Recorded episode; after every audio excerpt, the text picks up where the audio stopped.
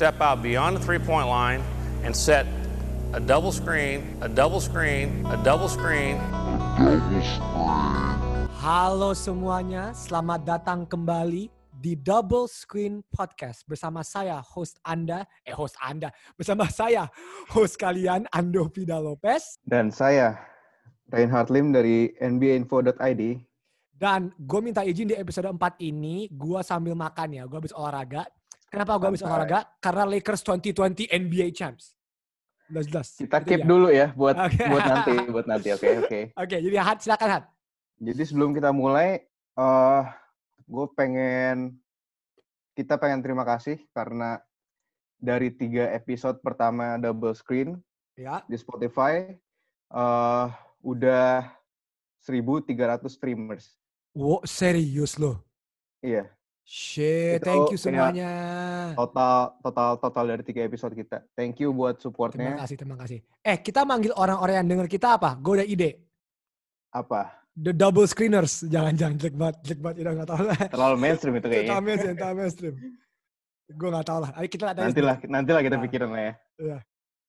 Terus eh ya kayaknya episode kali ini udah tahu lah ya mau ngomongin apa ya. Sudah pasti. Eh guys, gue sambil makan ya. Minta maaf ya. Yuk. Jadi mungkin kita bakal mulai dari eh good news. Good newsnya adalah menyambung dari eh berita minggu lalu ya, yang Mhm, Adam Silver eh kayak ngasih apa namanya proposal Ya. 20 beberapa beberapa kategori, beberapa skenario dan akhirnya skenario yang, di- yang dipakai buat nanti NBA comeback season Ya. adalah format yang baru, format 22 tim. Nah, format 22 tim ini Jadi, Eh, oh, udah fix ya. NBA is back ya. Fix fix. ya. Yeay! tanggal tanggalnya adalah 31. Mohon Selesai. dicatat buat yang Dicatat, dicatat. buat buat ya buat reminder 31 Juli 2020. Dah, I'm so excited. Gila, gila, gila. Akhirnya. Dan apa namanya? eh yang kita bahas minggu lalu kan kita bahas juga 18 18 18 20 22 30 kan. Dan Ya. akhirnya Adam Silver kayak propose bu eh, ke owner-owner tim bahwa 22, tim 22. ini nih Ya, 22 kan ya. Ya. Nah, akhirnya di approve. Ya. Jadi 30 tim voting, 29 tim say yes, satu tim say no. Tim yang Seno siapa? Dan satu tim itu tahu nggak siapa? Nggak tahu gak? Portland. Lah. Alasannya Karena? katanya sih dia Portland pengen dia kira 22 tim format ini kurang kompetitif. Dia maunya 20, tapi ya udahlah ya. Oh, Akhirnya kan oke, juga- oke, oke. Ya, ya, ya, ya. Oke, oke, oke. Nah, NBA bakal balik lagi tanggal 31 Juli 2020 di Hmm. Disney World Orlando itu udah fix. Fix, fix, fix. Nah, format 22 tim ini eh nggak nggak 11 nggak dibagi dua, bukan 11 dari West, bukan 11 dari East, tapi Tapi 9 dari East, ya 9 kan? dari East dan 13, 13 dari West. dari West, ya. Nah, terus masih banyak yang nanya tuh ke gue, Hmm. Bang, kalau dilihatnya dari mana sih kok bisa 13 sama 9 gitu? Ah. Jadi intinya tuh ini rekor terbaik di NBA lah. 22 tim dengan rekor terbaik di NBA. Tanpa Tanpa memandang memandang conference. ya. Ya, ya, ya, betul. Nah, Ya. jadi mencakup 16 tim yang emang Hmm. udah ada di top 8, top 8 West sama East.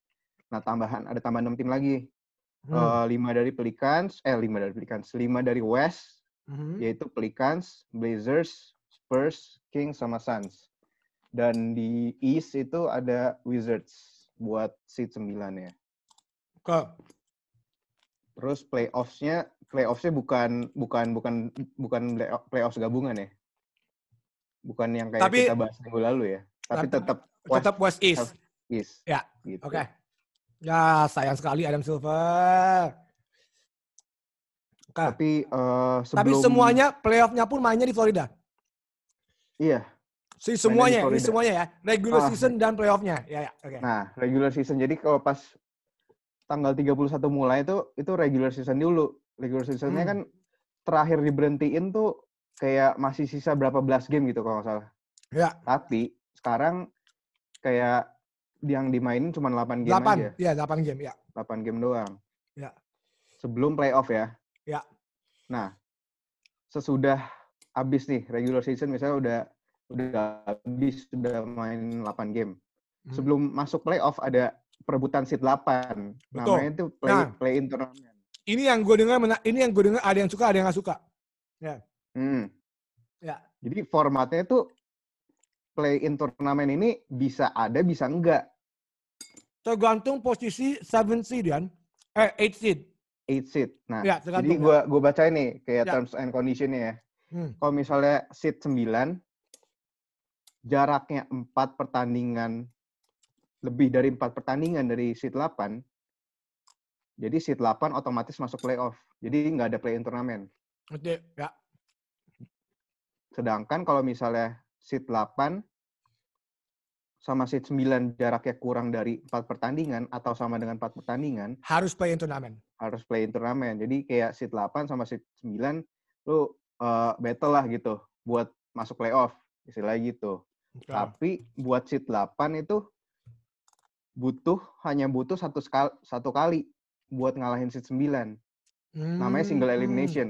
Oke. Nah, kalau misalnya double elimination itu Baru 9 ke- kalahin baru 8. sus- sus- Iya begitu. Oke, ya, ya. Gitu sih. Jadi 22 tim play in turnamen Oke. gitu lah. Kalau menurut, Menurut lu, gua pertama sangat menarik. Sangat menarik. Walaupun gua agak kesel kenapa mereka playoff-nya nggak dibikin. Gini, mereka udah milih 22 tim tanpa melihat conference. Ya kan? Seeding Iya. tanpa melihat conference. Kenapa lu nggak lanjutin ini ke playoff? Gua nggak ngerti. Ya udah. ada ada alasannya. Apa? Adam? Silver ngomong alasannya. Alasannya apa? Alasannya Michael Jordan kagak mau. Hah? Kayak Jor- Jordan bilang gini, udah lu eh, nggak usah aneh-aneh lah, nggak usah nggak usah nggak usah dibikin gimmicky format lah gitu istilahnya. Jadi Yang ngomong ini the- Jordan. iya MJ. Holy shit. Mak. Nggak, ini lu udah verifikasi atau atau yang rumor? Ini rumor atau verifikasi? Udah udah udah. Holy Silver yang ngomong shit. sendiri. Jadi kan lagi kayak conference call gitu kan. Ya. Terus si Jordan ngomong gitu, ngomong gitu. eh kayak kayak Tunggu. sounding lah. Tapi kan Bobcats nggak masuk. Iya, bener. Bobcats Jadi- kagak masuk Hah? emang. Yo, yo, yo, yo. Nih, gue bacain ya. Charlotte, Michael Jordan, owner Charlotte Bobcats nggak masuk. Ya seharusnya dia fine-fine aja dong apa pun yang terjadi. Nih, gue bacain, gue bacain. Coba, coba, coba. Adam Silver said that they were considering the unique tournaments and Hmm. formats yang yang 16 tim gabungan itu Hmm. instead of regular season playoff, regular Hmm. playoff maksudnya. But MJ insisted on keeping it normal and not to be gimmicky. He felt it was very important that after we establish the 16 teams, we not be gimmicky. Jadi Wow. dia Yang Kayak ngomong itu, yang, yang ngomong, ngomong itu Jordan loh. MJ jadi ya Waduh. gimana ya? kan suaranya juga pasti lebih Oke, tapi oke, dia oke, oke. mempengaruhi orang lah. Oke, pertanyaan. Dia ngomong ini sebagai Michael Jordan the owner atau Michael Jordan the I, player? I don't know, nggak tahu. Soalnya gini, kalau gue sebagai owner, ya gue mana peduli. Orang tim gue yang gak masuk, Oh, gue juga nggak masuk gitu kan? ya gue cuma ya terserah lu mau mau gini, mau gini ya tahun tahun depan biasa lagi kan. Oke. Hmm. Tapi kalau sebagai owner, eh sebagai player, bisa jadi spekulasi. Kalau LeBron menang final dengan 1 sampai 16 tanpa Western Eastern, orang pasti bakal ngomong, "Oh, LeBron pernah menang dengan 1 sampai 16 tanpa memandang Western atau Eastern. Jordan nggak pernah." Ngerti nggak? Jadi jadi mungkin mungkin Iya. ini, ini teori, mungkin ada kayak tunggu tunggu tunggu tunggu. Gue nggak mau gue dibandingin, gue nggak bisa menang dengan 1 sampai 16, tapi LeBron bisa menang 1 sampai 16. Ngerti nggak? Kayak Ya mung- gua mungkin ya, sih. mungkin. ya mungkin ini kan teori kita nggak tahu. Soalnya Ya, ini, soalnya- aja. aja. ini gimmick apa? Saya gini, gimmick apa? Mereka semua stay di satu tempat, jauh lebih efisien. Kayak gini nggak? Kayak nggak ada masalah travel lagi kan? Ini kan nggak ada masalah Boston pergi ke LA, nggak ada masalah, kayak nggak ada masalah logistik nggak ada masalah sekarang. Semua tempat yang sama. Ini gimmicky dari mana? Gini. Ya terserah, tapi dia Jo- Jordan mau ngomong apa juga terserah. Iya suaranya ya Jordan gimana ya? Gue tau mana, gue tahu apa dibanding Jordan, bangsat. Aduh gimana ya? Nggak, tapi yang gue bingung gini, gue sebagai owner, kalau tim gue nggak masuk, gue kayak ya udahlah. Kayak ngerti ya, ya, ya udah tim gue nggak masuk ini. Iya. Ini jadi menarik ya, sih. Rada ya rada membingungkan Tuh, sih. owner Apa- owner lain kayak Mark Cuban ngomong apa? Mark Cuban. Kalau gue gue tertarik sama Mark Cuban. Dia ngomong apa? Mark Dia ada. Cuban gue belum belum lihat deh statement dari Ya. dia apa pun. Soalnya ya, Mark Cuban tuh yang paling open untuk eksperimen. Mark Hmm. Cuban tuh satu-satunya owner yang Iya, paling iya, iya, terbuka iya. untuk inovasi, untuk eh, itu lu ngerti gak? Mark Cuban tuh yang paling terbuka soal ini. Jadi gue mau tahu Mark Cuban ngomong apa. gue sampai sekarang belum belum belum lihat ada statement dari Mark Cuban sih. Tapi ya dari dari semua tim dari 30 tim ya at- yang Portland doang yang bilang enggak. Soalnya dia Ya. kira 20 tim format tuh lebih kompetitif gitu. Kan? Menurut lo, apakah itu alasan yang valid dari Portland atau mereka ada alasan lain? Hmm, menurut gue sih ada alasan lain ya, tapi gue belum sampai sekarang masih belum belum ngerti gitu. Maksudnya dari sudut pandang cara sudut pandang mereka tuh ngeliatnya gimana. Soalnya kan Menurut gue, oh mereka juga udah masuk gitu kan. menurut gue gini. Kalau 20 tim, oke lebih kompetitif, oke. Atau mungkin atau mungkin saingan mereka lebih dikit. Betul. Kalau gue 20 tim, Portland cuma harus worry ke tim siapa yang sekarang seat 9 siapa? Eh, siapa ya? Eh, sekarang 9 tuh itu siapa namanya? Aduh, Pelicans. Ah. Kalau ada 22 Eh, tim, Siapa gitu? eh siapa? Lupa. Begini, kalau 22 tim, Pelicans atau enggak itu Blazers. kalau 22 tim, Portland harus kayak gini. Fuck, gue harus lawan tiga tim ekstra di West. Nanti ya, gue lawan, gue lawan ini, gue lawan ini, gue lawan ini. Kalau 20 tim ya, kesempatan gue masuk Oh. playoff lebih, lebih gede. Ini kalau 20 tim tuh eh, cut off-nya disperse. Jadi Phoenix sama Wizards nggak masuk.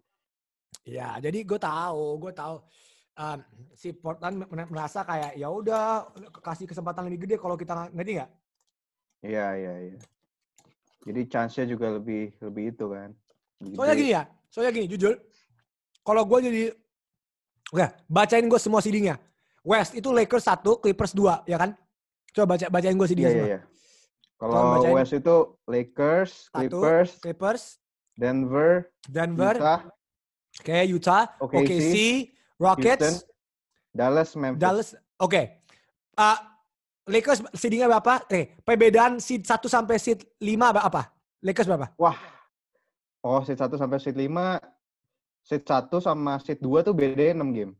Nah, ini dia. Ini ini yang menurut gua kenapa Portland Trail Blazers hanya mau 20 tim. Kenapa? Pertama, kalau gue jadi seed 1, gua gelap gini. Gua mau lose 6 game berturut-turut, gue tetap seed 1. Kecuali Iya, kok benar. Clippers menang, kok kecuali kok Clippers menang terus ya. Iya, iya, iya. Jadi gini, sedangkan tim-tim Pelicans, Wizards, Phoenix, Spurs ini bakal mati-matian. Ini setiap game bakal kayak playoff buat bagi mereka. Itu mereka games Iya, back iya. cuma beda satu kalau beda setengah doang. Ngerti? Ngerti. Nah, kalau cuma 20 tim, Portland nggak usah worry yang di bawah-bawah. Ketika mereka face Lakers, Lakers juga kayak ya udah gua gua nggak mau serius. Hmm. Gue mau save energi untuk playoff beneran, ngerti nggak? Jadi ini tuh lebih kayak Portland nggak mau worry ke underdog underdog di bawah mereka, Phoenix, Wizards, Spurs yang benar-benar kayak enggak, gue gue I want every day playoff game, ngerti nggak?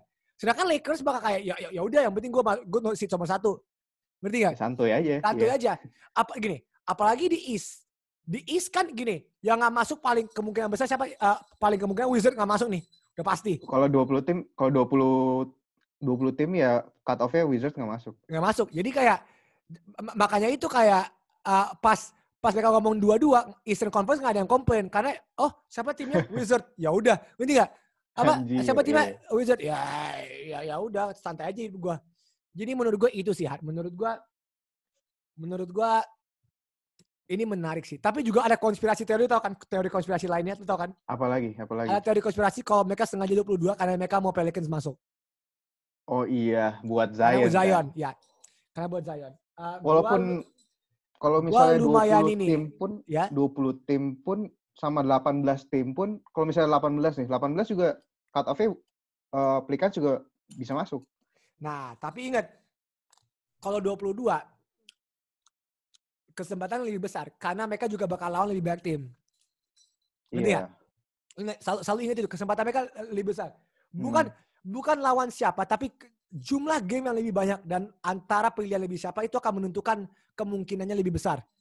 Ngerti nggak? Iya. Eh, jadi tunggu tunggu ini anjing gue mau keluar dulu sebentar ya. Ini maaf ya teman-teman ya double screener ya. Ini anjing gue. Duh. Leo. eh. Wah, wah. Duh.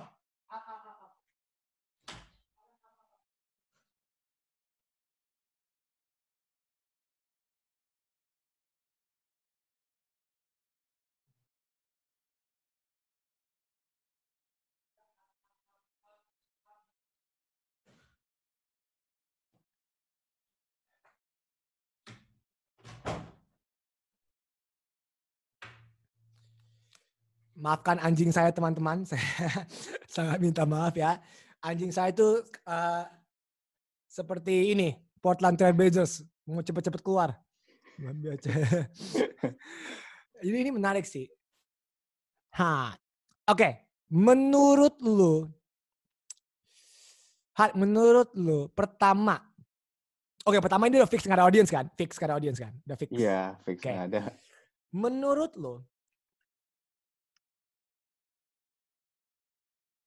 siapa yang bakal masuk? Menurut Portland bakal masuk nggak? Hmm, Karena in the East jelas-jelas West uh, Wizards nggak bakal masuk, udah jelas-jelas. Gue punya feeling Bentar ya. karena eh, gua ada ada dua skenario oke, yang gue pengen Oke. dan yang gua kira bakal masuk. Ngerti Oke. kan? Jadi yang gue kira bakal masuk sama yang sama pengen. yang, yang gue pengen. Oke, got it. Yang gue pengen masuk itu buat di East, eh buat di East, buat di West itu either Portland, eh enggak enggak, either Pelicans Oke. atau Sacramento. Oke, kenapa? Oke, ini menarik. Kenapa Sacramento? Ini sangat menarik. Kenapa? Kenapa Sacramento? Iya, Karena kenapa? eh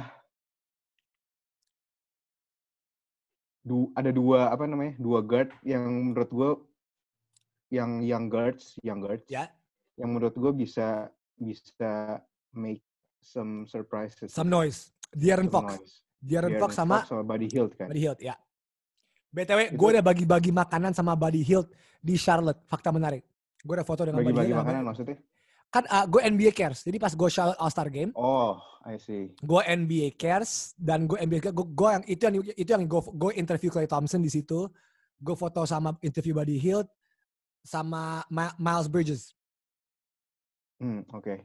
Ya, eh, jadi yang menurut gua Kings, kenapa Kings? Karena dua dua guard ini yang menurut gua bisa bisa bikin surprise sih. Menarik. Iya. menarik. Eh Jadi Kings Kings seat 8. gitu. underrated. Kings 8 Hmm, atau karena gini Dallas nggak mungkin Seat, keluar. seat 9, seat 9 menurut gua seat 9. Oh, seat 9. Oke oke oke oke oke. Iya, jadi kayak eh dari dua guard ini benar-benar underrated. Jadi kalau misalnya lo lihat Spurs misalnya, Iya. masih ada De- DeRozan, masih ada Aldridge. Iya. Lo lihat Portland masih ada Lillard, Lillard. masih ada CJ. Jadi kayak CJ ya. Ya. Sac- Sacramento ini kayak apa ya under the radar gitu lah. Jadi gue gua, gua juga sebenarnya suka-suka sama tim-tim underdog kayak gini Nah, yang Tapi yang nggak disorot. yang gue suka skenario paling bagus itu 1-8 Lakers lawan Pelicans. Anthony Davis ketemu tim lamanya dan Iya, Zion lawan. LeBron. Udah itu Nah, itu kayak itu itu rating pasti tinggi. AD AD against New Orleans. Ngerti gak? AD against Makanya, New nah. Orleans. Oh itu pasti itu, itu yang NBA mau. Gue yakin NBA tuh. dan gue juga choice choice kedua gue itu kan po- Iya, uh, iya. Pelicans kan. Jadi Iya. wow, gue pengen banget lihat kayak Zion former, LeBron. former Oh. teamsnya Ingram versus former timnya kan Lakers kan. Lonzo, Lonzo, Lakers, Hart, anjay. Ingram lawan Lakers. Wah itu itu Lakers Pelicans itu first round itu bakal gila sih. Tapi yang itu kan yang gue pengen. Tapi Hmm. yang menurut gue masuk sih kemungkinan sih Portland bisa masuk ya. Menurut gua Damien's gonna go crazy. Iya. Damien Kayak Lillard is sebelum- gonna go Sebelum insane. musim diberhentiin aja dia udah, Dia udah main 60 gila, dia udah main 60 poin, gila, 60 poin exactly. gila. 60 50 50 Dan aduh. kita semua ingat Blazers waktu itu main tanpa big mereka. Aduh siapa big mereka gue lupa. Yusuf Nurkic kan. Ya, sama Nurkic kan. Nurkic kan kayak ka- kabarnya udah sehat kan? Kabarnya, gue nggak tahu. Iya. Gua- ya. Tapi nggak tahu bakal back atau enggak nanti. Nah, jadi lo ya, man, Portland sama Nurkic beda loh. Itu sama Nurkic itu beda tim loh. Jadi Iya. jadi Aduh ini menarik sih. Gue, aduh gue seru. I can't wait. Dan katanya kalau nggak salah ini bakal main setiap hari non-stop all day, Bener, bener. every day basketball. Karena mereka fit Bener. in the schedule sangat, bro. Jadi Dari kayak Ju- regular dari- season, Iya, regular season tuh kayak bakal tiap hari ada gitu. iya. Dari Juli 31 sampai eh Juli Juli 1 ya? Eh Juli 31 kan? Juli 31 kan? Juli 31, 31. Ya, gue gak bakal tidur, man. Gue bakal set, karena kan mereka jam 6 Pak ini karena mereka main di Orlando, Nggak tahu sih jamnya. Ga- Iya. game gamenya udah kemungkinan besar East- Eastern Time. Which means 6 pagi udah 6, 6 pagi di Indonesia. Ya udah gue gak tidur tidur. Ya udah. Atau nggak gue bangun sampai jam Apalagi 6. apalagi kalau iya. ada Lakers ya. Wah udah selesai. Ah, Lakers selesai gue. Udah Lakers 2020 NBA champ sudah pasti. nih. Kalau lu sendiri, menurut lu Eh. Ya. siapa yang masuk? Ah, menurut gue jujur, my heart wants Pelicans to masuk si 8. Hmm. Tapi Tapi Blazers, Blazers bakal mungkin masuk. Blazers ya. Ya, udah, sama. karena karena Sama Damian Lillard bakal is gonna go crazy. Apalagi Damian Lillard main tanpa fans. Oh, ini berarti ini kan main di playground, man. Man, man, guys, I'm letting you know. Oke. Main depan fans sama main ta- tanpa fans itu two things yang very different. Ada orang yang dapat dapat boost ketika main depan fans. Ada orang yang street mentality, black top, main di di di di di, di, di jalan. It, it that's their mentality. Damian Lillard is one of those guys. Dia tuh kalau penonton nggak ngaruh. Tapi tanpa ada penonton, this guy is gonna become a killer. I I I think that's that is Pakai the penonton aja udah 50 poin. Ngerti? gitu kan. apalagi tanpa penonton, man. Ngerti nggak? Apalagi tanpa penonton, it's it it comes back to playground. It comes back to Iya, iya, playground iya. mentality. Dan playground mentality, sorry to say, menurut gua itu jauh lebih keras menurut gua. Menurut gua ya. Soalnya gini, lu main playoff, oke lu main away itu keras. Tapi pas lu main di home lu ada dukungan lu ada dukungan dukungan fans-fans lu. boost lu. Iya, nge-boost. bus. Nah, kalau ada, oh, kalau di nggak ada, oh itu, aduh, Damian Lillard is a killer. Tapi walaupun gitu ya, gue tetap berharap sih Pelicans yang masuk sih. Soalnya ya, Hmm. lu, lu tahu sendiri lah, Blazers iya. sudah mengeliminasi oke sih gue tahun lalu kan. With the shot, with the Iya, Damian Lillard Semprot itu. over Westbrook, over Westbrook on the logo. Oh, Over gila. PG. Eh, over PG sorry, over PG from the logo, gila. Iya, Damian. makanya udahlah istirahat Hmm. aja lah portalnya musim ini nih. Sampai regular season aja cukup deh. Jadi baik. Tuh, bacain gue 1 sampai 8 di East. Oke, Bucks kalau nggak salah kan. Bucks, Toronto, Bucks, Toronto, Celtics. Wow, shout out to Toronto loh. Dia eh, ditinggal Kawhi masih si tua bro. Ya, itu emang emang hebat. Jadi Bucks, Toronto, Boston, Boston, Philly. Miami, Oh, oh, Miami. Oke, Miami, Philly. Miami, Philly. Eh no, Miami, Indiana, Philly. Oh shit. Berarti 8 siapa? No, eh, Brooklyn dulu tujuh. Oh, uh, Brooklyn baru 8 siapa? Baru Orlando. Oh, ini menarik. Ada dua tim yang walaupun nggak ada home court, Miami dan uh, dan Orlando main di Orlando. Ngerti nggak? Iya iya iya. Miami, Miami, itu Florida. Oke. ya Miami, Iya, Florida, oke. Orlando, Florida, which is Iya. which is jatuhnya walaupun mereka nggak home court karena nggak ada fans, tapi di hotel mereka itu pasti fans-fans yang ngumpul di luar kalau nggak ada social distancing, kalau orang-orang gila kan orang Miami semua. Ngerti nggak? Iya. se- iya. secara teknis mereka ada home court dan mereka kalau ada apa walaupun gue tahu mereka pasti harus di lockdown di hotel mau apa apa rumah mereka dengan nyebrang ngerti nggak rumah mereka kan di dari situ mau minta apa apa istri mereka bisa datang ya tapi gue tahu nggak mungkin karena pasti di Iya, lockdown pasti pasti tapi ya home that's technically it's kind of a home court Hmm, technically Ya. bisa dibilang tek, ah, ya lokasi gara-gara lokasi doang kan ya. ya. Lokasi doang ya, ya. Jadi eh, terus NBA udah ngeluarin schedule juga kan. Jadi kayak Ya. eh, deretan rencananya gimana. Jadi dari 15 Juni itu Mhm. pemain-pemain yang di luar negeri tuh ya kayak Luka Ya. Doncic itu balik eh, harus sudah balik sih. Maksudnya eh, ngerti. minimal ju- 15 maksimal 15 Juni itu udah harus Tapi- terbang. ke- tapi tapi kalau nggak salah ter, penerbangan Eropa Amerika belum boleh loh kalau nggak salah ya Oh, Eropa Amerika ya, nggak tahu. Iya. kan ma- masih di ban ma- masih Trump masih ban jadi eh, mungkin ya mungkin NBA udah, udah tahu lah NBA udah ngomong Iya. sama government udah pasti ya Terus oke. 21 Juni, jadi eh, all players should report to their to their teams. Ya. And then 22 Juni itu uh, dites dulu corona nih. Semua Berarti- pemain dites corona. Jadi kalau misalnya ada pemain yang corona nih, positif Gagal. corona, ya Gagal. udah, Ya, ya, lu ya. di di hotel aja gitu. Iya, ya, ngerti, ngerti. Karantina gitu kan, Karantina. 14 hari. Nggak bisa ikut apa regular season sampai sembuh. Terus 30 Juni Oh itu gila sih. Lu bayangin semua lagi tes, tiba-tiba the best player on each Anjing. team kena. Itu gila sih. Kayak ngerti nggak kayak Wah itu itu itu lumayan gila sih. Jadi ya iya krusial sih. krusial. Ini pasti. krusial tesnya krusial banget ya. 30 Juni tuh training camp, Mhm. mulai training camp. 7 Julinya udah pada mulai berangkat ke Orlando. Holy shit. Dan semua bakal 31 dan mulai. Man, lu, bayangin, man, lu bayangin.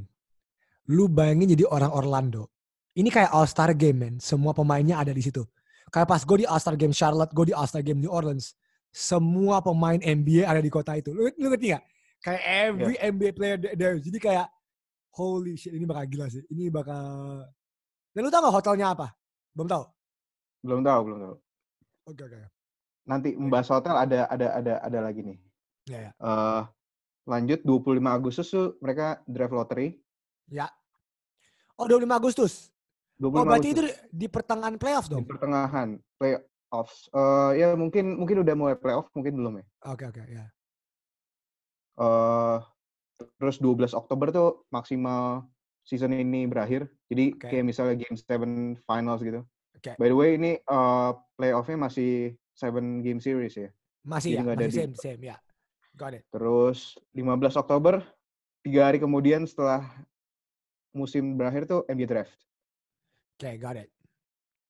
And then eh 18 Oktober free agency, Ya. 10 November training camp buat musim depan Yo, gila cepet banget.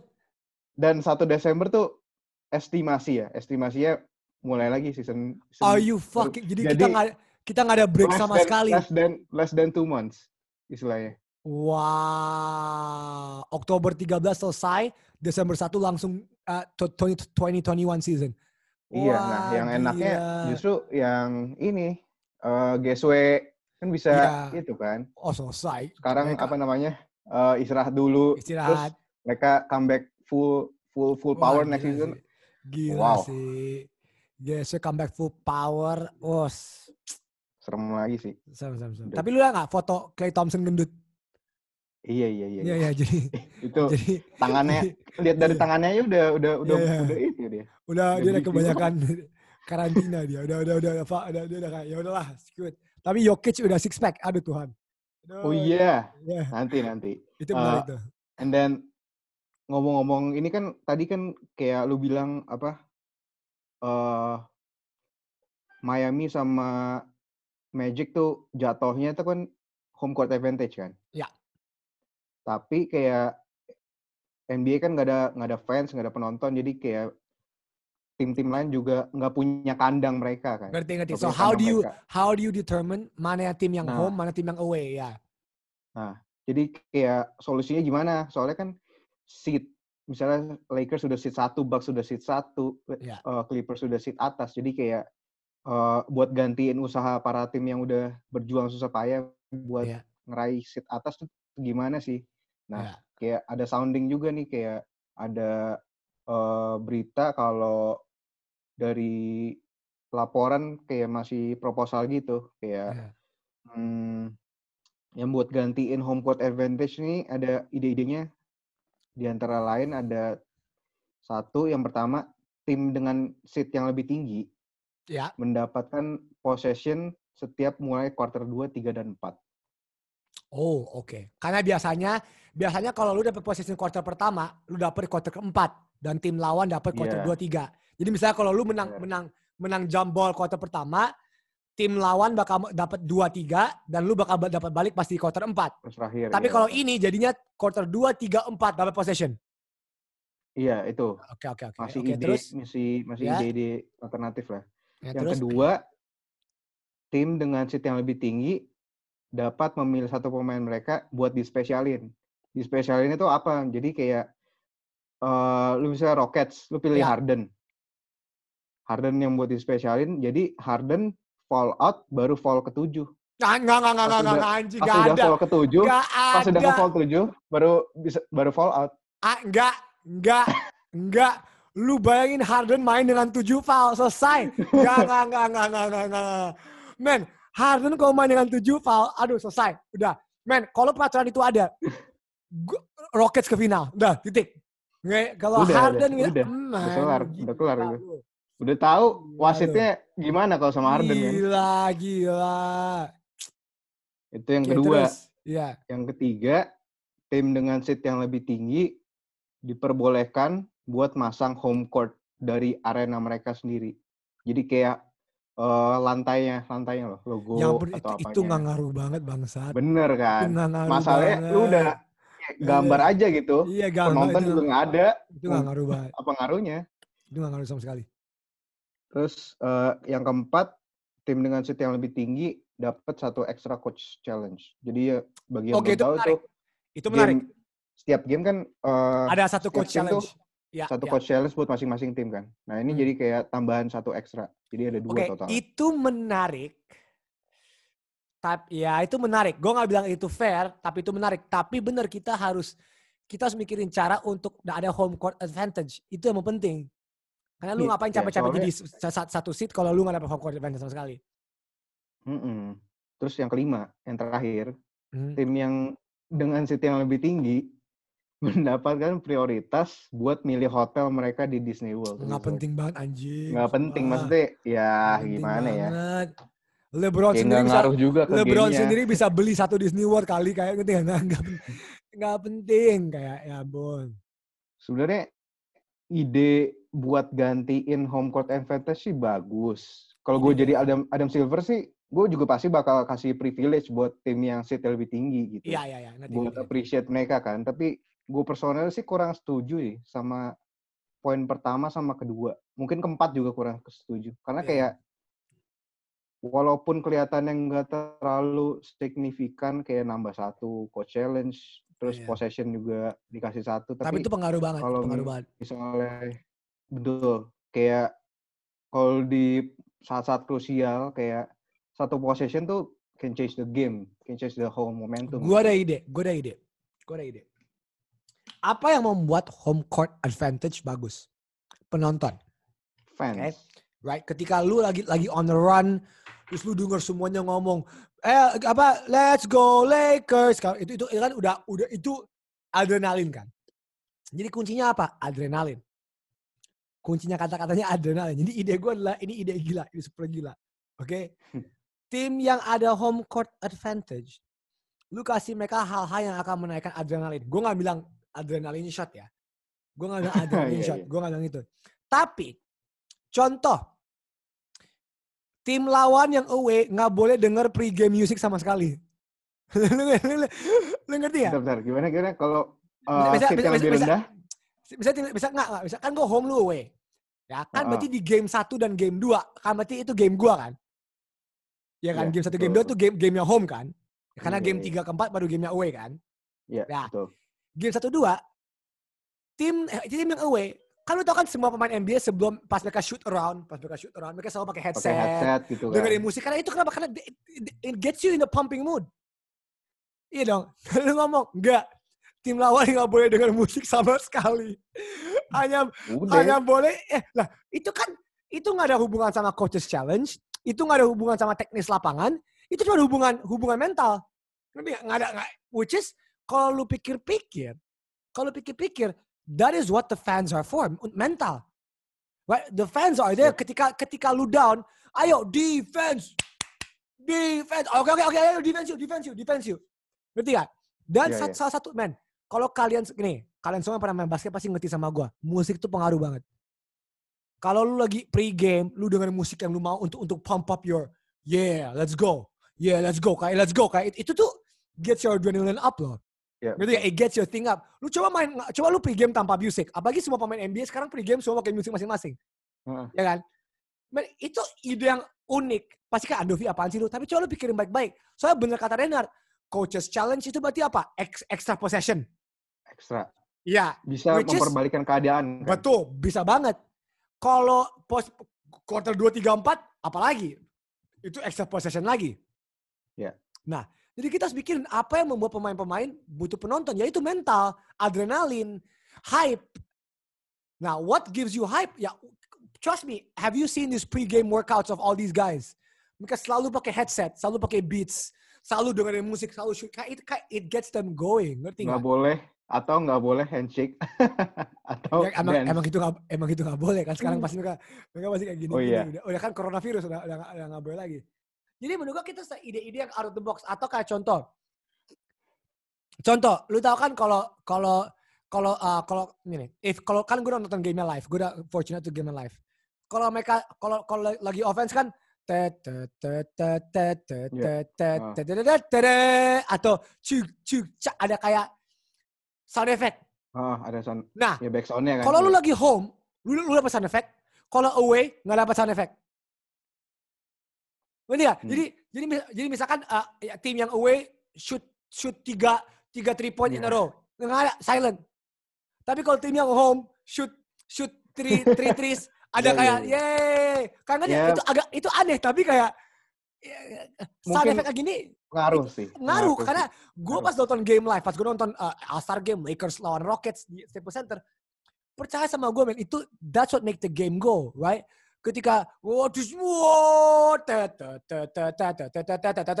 ada musik-musiknya ada nanti kayak ada atau enggak lu masukin aja audio audio fans kayak crowd cheering atau apa. Oh, jadi yang home team dapat crowd cheering, away team yang away, team gitu.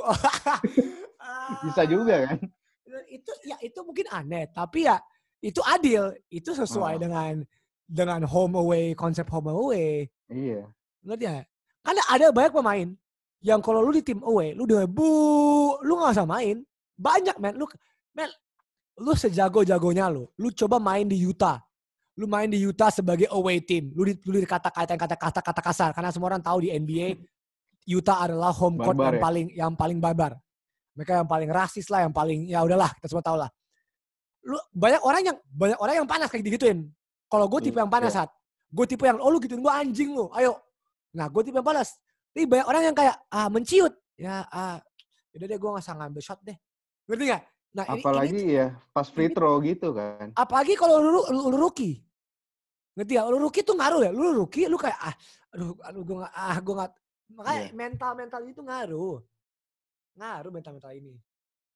Tapi kalau misalnya dari lima poin tadi lu bisa Hmm. disuruh pilih tiga yang lu bakal lu apply apa?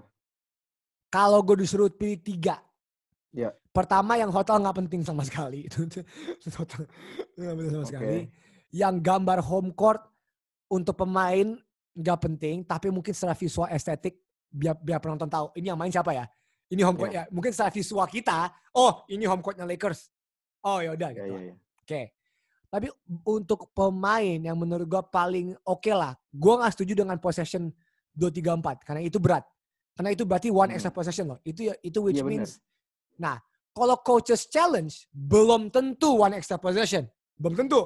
Bisa jadi coaches challenge lu nggak nggak nggak di reward, ngerti nggak? ya Iya nggak ya. Jadi jadi menurut gue yang paling yang paling fair adalah coaches challenge. Karena belum tentu coaches challenge itu ngehasilin extra possession.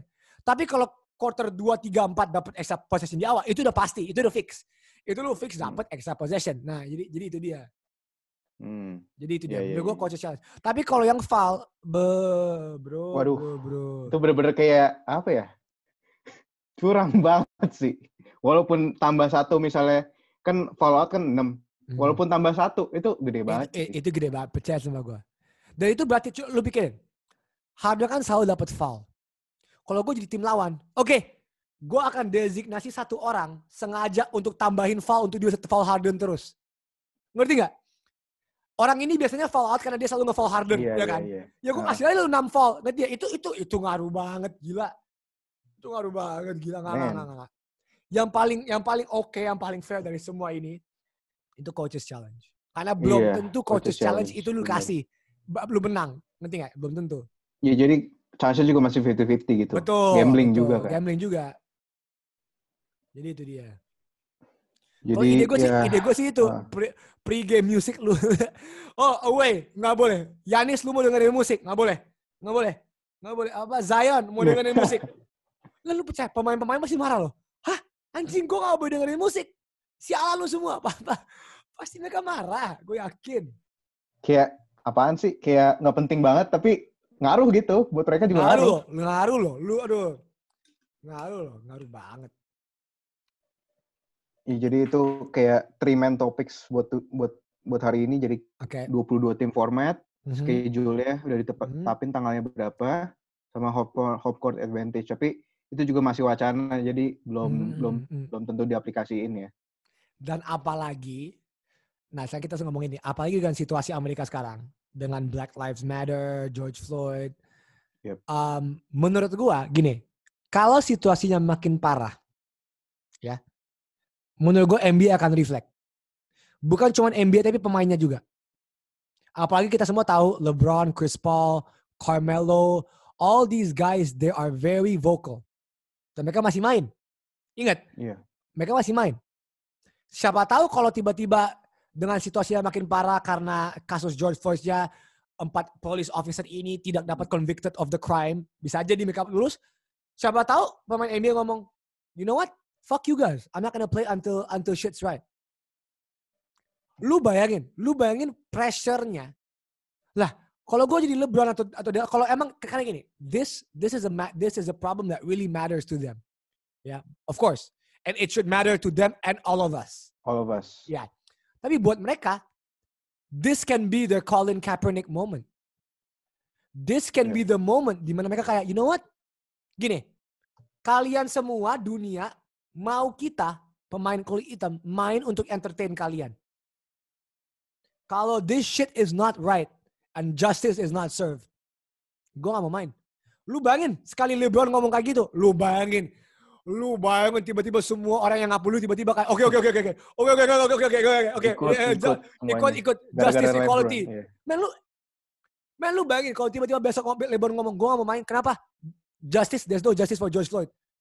Semua orang yang apatis tapi fans basket, semua orang tiba-tiba kayak yaudah deh, gue gak apatis deh. Ini gak? Ini gak? Kayak ah shit. Kayak they, people don't realize they have so much power. They the players have so much power. iya Dan the. NBA will look so bad. The NBA bakal ngomong, enggak lu harus main. Gila lu ya. Gua nggak gua nggak mau main tapi lu suruh gua tetap mau main. Ngerti gak? Jadi it's a lose-lose situation di mana di mana di gini, gua ngomong ini kalau ya, kalau situasi nggak Iya. membaik. Ingat, pemain-pemain NBA ini force tuh sangat besar, apalagi LeBron.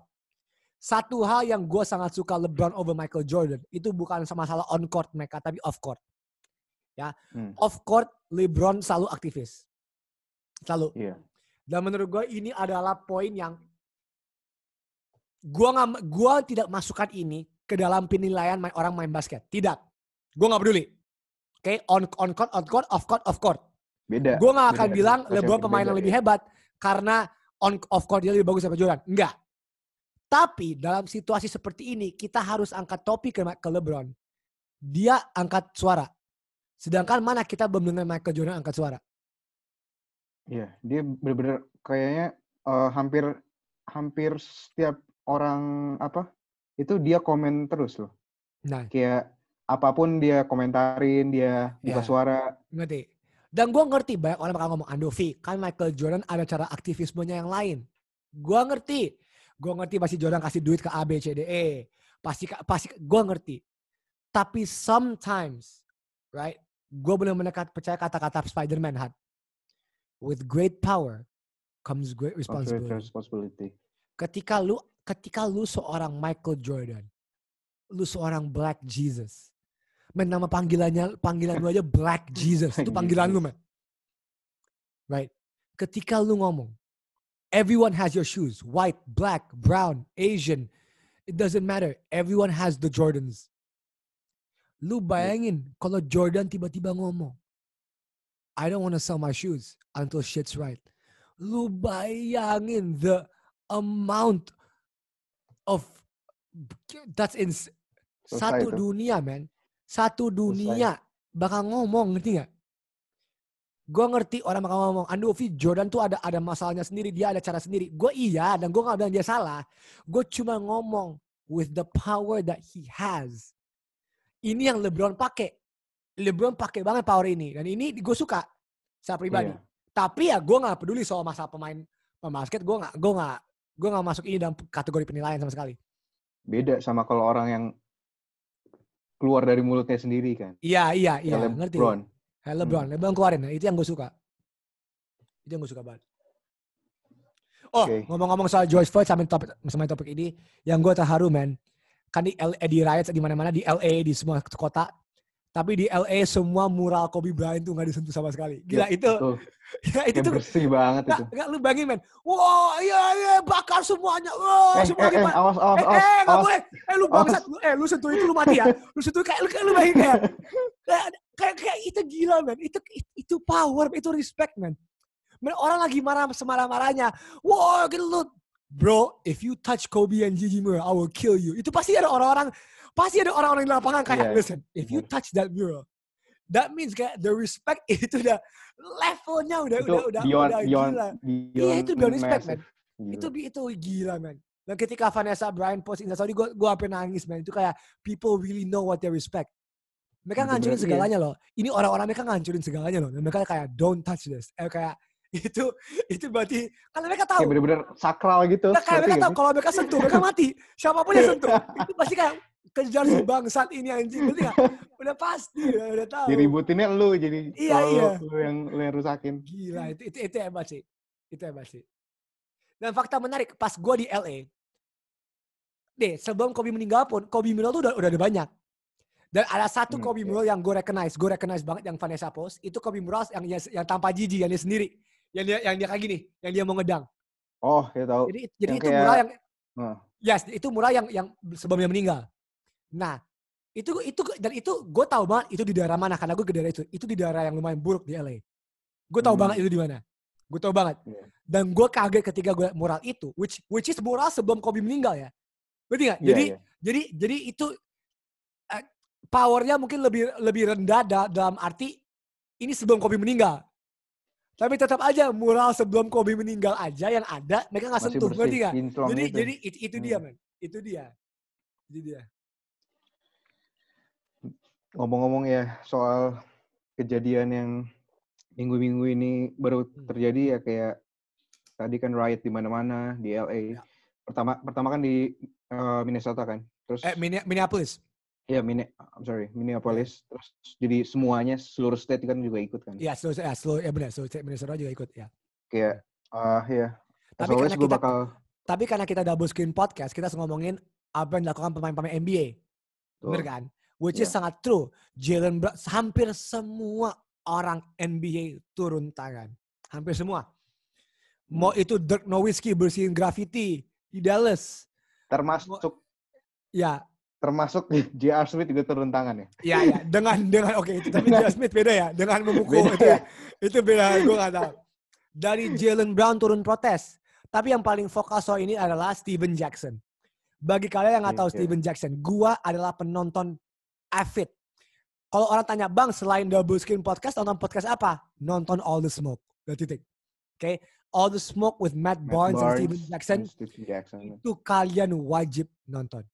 Dan gua tuh Steven Jackson, kenapa dia dekat sama George Floyd? Kenapa Jo- George Floyd sama Steven Jackson itu teman teman kecil?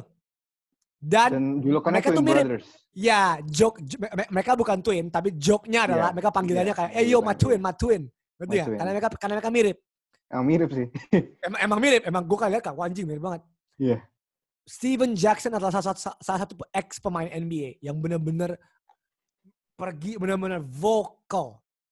Ya benar-benar benar-benar ke City Hall ngomong sama polis kayak nggak secara langsung ya. Iya. Jadi shout out to Steven Jackson, shout out to Jalen Brown yang turun tangan, shout out to Dwayne Casey. Banyak banget. banyak banget. sembah, banyak Enes. Kanter, Ya, eh, banyak. Terus Ya, Cat yang- gitu-gitu juga Cat, semuanya ikut. yang turun lapangan banyak, tapi yang nggak Hmm. turun lapangan yang ngomong juga banyak. Iya. Seperti uh, Greg Popovich, dia ngomong kan, kita harus bikin komite di juga. NBA. Kayak ya, kayak a lot of people kayak, this is, gini, gua, gini, gua secara pribadi, pribadi ya, gua post Blackout Tuesday. Kenapa? Pertama, kalau lu merasa Bang Andovi kan di Indonesia kan rasisme tuh banyak. Kenapa? Pertama kalau pemikiran lu masih kayak gitu, pemikiran lu dangkal man. Open up your mind, gue gak boleh jelasin.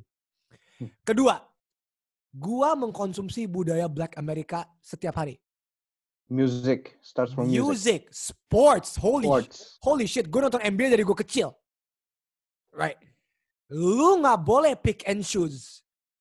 To pick and choose and cherry pick. Oke, gue nonton NBA setiap hari. Oke, gue mendirikan Kobe Bryant. Gue mendirikan NBA. Tapi ketika black community masalah, kita diam. It, that's not fair. You have to take the good and the bad. Lu nggak boleh dengan hip hop, dengerin Kanye, Jay-Z, Kendrick, Drake. Lu dengerin mereka. Tapi ketika black community masalah, eh, sorry, I just like your music. Lu nggak Karena boleh gue bukan kabar- karena gue bukan ras mereka. Iya, Kayak iya. gitu kan. man, you gotta get with the good and the bad. Dan secara pribadi, asal lu tahu, gue positif. Karena pribadi, gue orang, gue bokap gue orang Flores. Almarhum bokap gue rest in peace. Orang Hmm. Flores. Which is kalau kalian tahu, orang Flores itu orang timur Indonesia yang kulitnya hitam semua. Kebetulan gue kulitnya uh, hitam manis karena ibu gue putih. Karena ibu gue putih, bapak gue hitam, gue jadinya tengah-tengah kayak gini.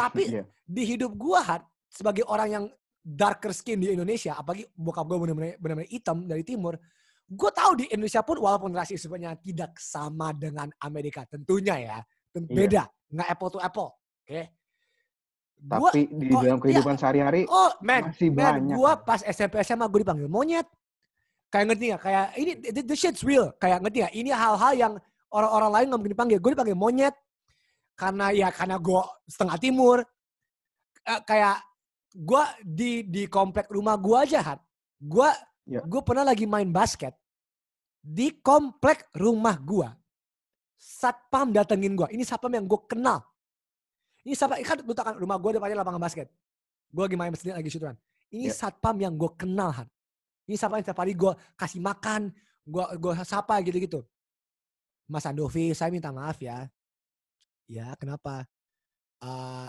kami dapat laporan kalau ada yang main basket. Iya, saya yang main basket. Iya, Mas Oh. Novi kami tahu. Tapi katanya ada tetangga yang dengar-dengar suara main basket dan nggak tahu itu apakah itu penghuni atau enggak yang main basket. Terus gue kayak, gue kayak, man, kayak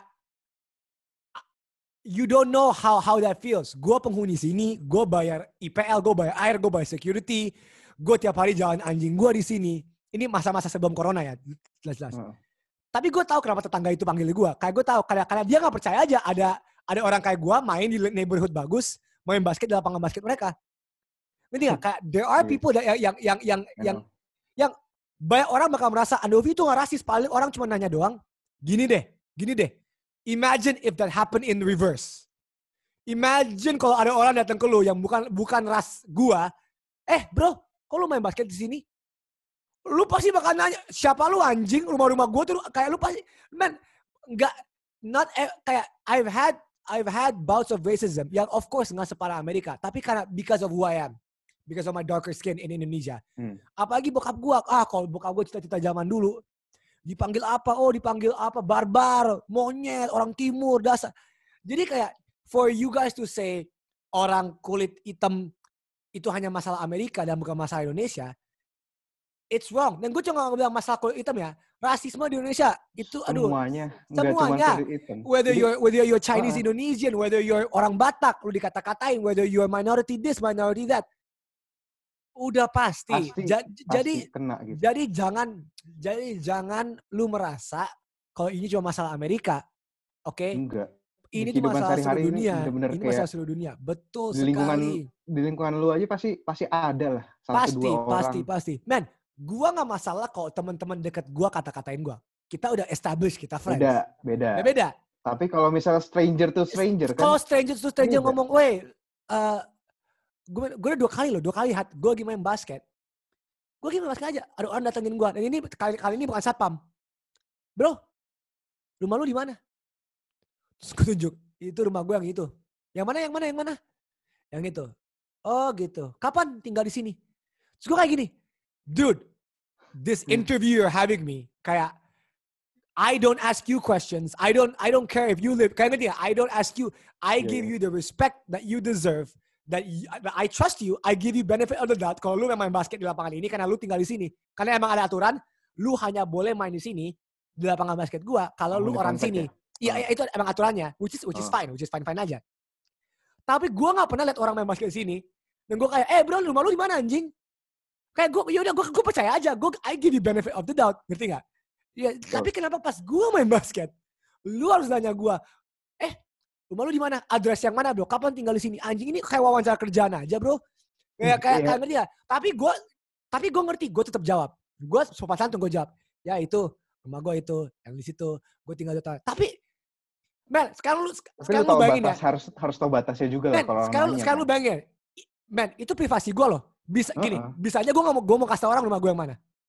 Lu bayangin, lu kapan bapak tahu eh, itu terserah gue, gue gak mau kasih tau lu. Ini pribadi gue, rumah lu yang mana? Lah, kalau lu mau tahu rumah gue yang mana kan it's my private home. Wh- Whether I do in my home, I don't want you to know where my house is.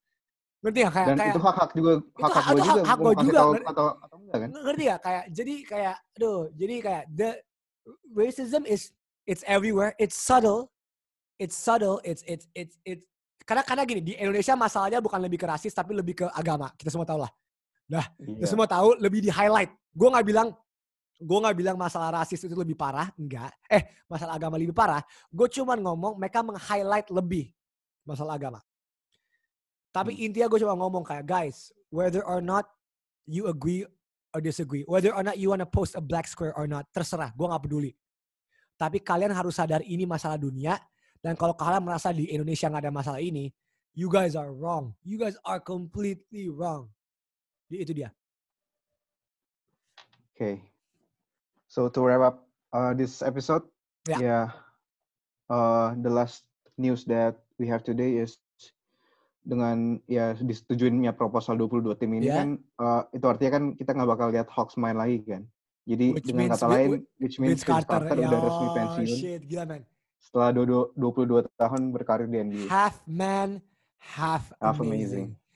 Dia adalah pemain NBA terlama di man di sejarah. NBA. Dia Empat main dekade.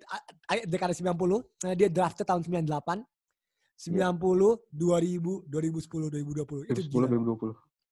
Iya, gila iya, sayang banget sih ya berakhirnya kayak harus kayak gitu ya. Gila. Ya Itu- dia sendiri dia sendiri juga bahkan nggak tahu hari itu bakal jadi game terakhir dia Ya, kan sebelum dia Karena gue no, gua kan. nonton, gua nonton uh, podcast dia sama di. All the Smoke. Jadi gue nonton, Hmm. Dia jelasin kayak, I do not know, tiba-tiba coach told me to Iya. go in, I, I hit a three, I hit a three, and it's like, that was my last shot ever. Kayak ngerti gak? Kayak, kayak Heeh. gila man. Dan lu lu dia jadi Ka- Vince juga lu bangun hari ini hari itu juga nggak tahu itu bakal last game dia Iya, gitu. Kayak nggak iya. no, no preparation, Betul. no speech gitu kan. Terus tapi momen momen apa yang paling lo demen sama Carter? Udah, Your favorite moment? One. udah. Are you ready for this? Gue tahu dalam kontes kan. And Vince Carter with the first, oh! Let's go home! Let's go home, ladies and gentlemen. Let's go home. Man, guys. Dunk terhebat yang pernah gue tonton di sepak gue man, gue udah nonton hampir semua dunk di sejarah NBA. Vince Carter's first dunk attempt in the 2000 NBA dunk contest, 360 reverse windmill, adalah the best dunk of all time. Titik, nggak pakai koma. Udah, udah. Di masa Itu- itu, ya, di masa Di itu masa, ya. di masa Di itu, masa oh, itu. gila. Ben, Walaupun kalau misalnya orang zaman sekarang misalnya banyak pemain yang bisa, tapi kan di masa beda, itu. di beda kayak lu bisa aja Zach Levine, Aaron Gordon bisa bisa 360 Iya, windmill. bisa pasti. Tapi pasti. kalian harus ngerti when that happened, nobody has ever seen the most beautiful, powerful 360 windmill itu semua kayak sampai Shaq kayak sih? sampai Flawless Shaq kayak flawless. Dan itu first attempt loh, itu first attempt, Iya. itu first bener. attempt, first Makanya. dunk, first dunk dia dan first attempt itu jadi oh, Shaq sampai kayak wah, oleh wah semua kayak kayak Chris ini. Handicap. Iya, handicapnya. Ngerti gak? Itu sampai Kenny Smith langsung, let's go home. Let's go home, ladies and gentlemen. Langsung dia udah, udah, udah, it's, it's over. It's Gila. over. Itu ya. Itu, itu kalau dunk ya. Tapi kalau in Iya. dunk, in dunk memory itu jelas-jelas tim USA tahun 2000. Ketika Vince Carter lompatin Oh, seven footer from seven France. foot. Seven foot. Ini in game guys, ini bukan dunk contest. In game dia lompat pas dia tim USA tahun 2000, lompatin pemain Prancis 7 foot. bener-bener lompatin. Bukan bukan orang orang kan nunduk ya? Orang kan bener-bener berdiri full. Dia lompatin itu. Sinting man. Dia juga kayak nggak nyadar sih. Carter juga bilang, iya dia nggak nyadar nyadar tuh. gue juga nggak nyadar Gue lompatin sama dia. gue bener-bener cek kayak oke I have to make this dunk I have to make this dunk itu doang kayak yaudah Iya. guys Kobe pernah ditanya Kobe prime Jordan prime you prime Vince Prime Vince. who Who's is the the best better dunker? ini prime The Jordan best dunker. prime Kobe prime Vince Kobe Vince. tanpa eh tak, prime Vince, course. Kobe tanpa hesitation dia ngomong Vince udah selesai dia nggak mikir dia nggak mikir. Dan guys ini kita nggak ngomongin pemain-pemain sampah loh. Ini prime Jordan. Prime. Kalian udah lihat Kobe dunk di prime nggak? Itu gila loh. Prime Kobe kalau ngedunk itu Iya, iya. itu itu mu- itu fuck man. Prime Jordan kalau ngedang itu juga juga nggak bercanda. Dan Kobe dengan tenang dia ngomong Vince. Udah jadi udah.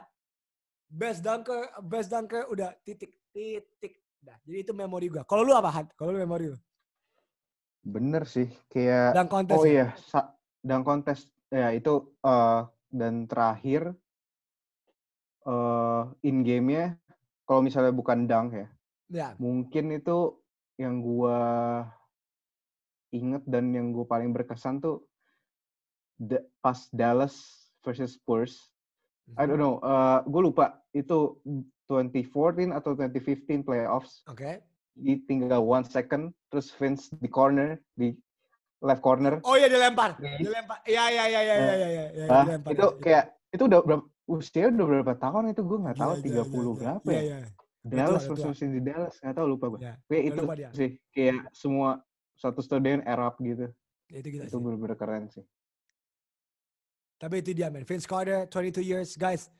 Dia Respect. man, orang main di atas 20 tahun tuh sangat dikit. Sangat dikit.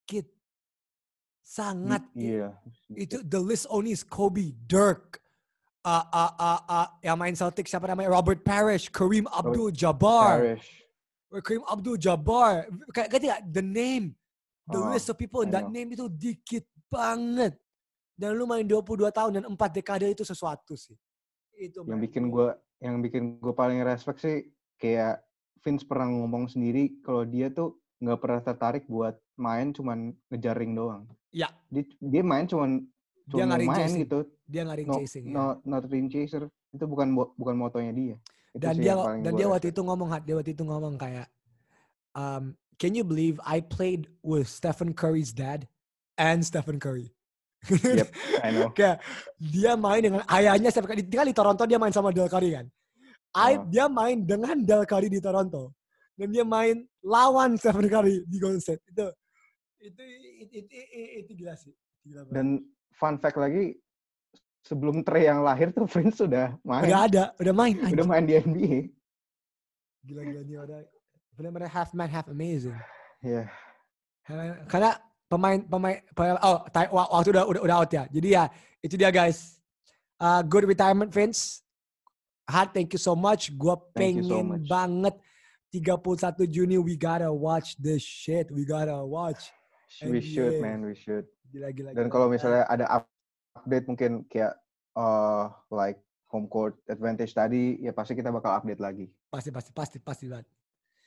So guys, that was it. Thank you so much. Thank you Terima kasih listening. episode 4. Kita masih cari editor karena gue jujur gue malas ngedit. Oke, jadi itu dia. Tapi semua audio bisa dengar di Spotify. Kita bakal upload Yes. langsung.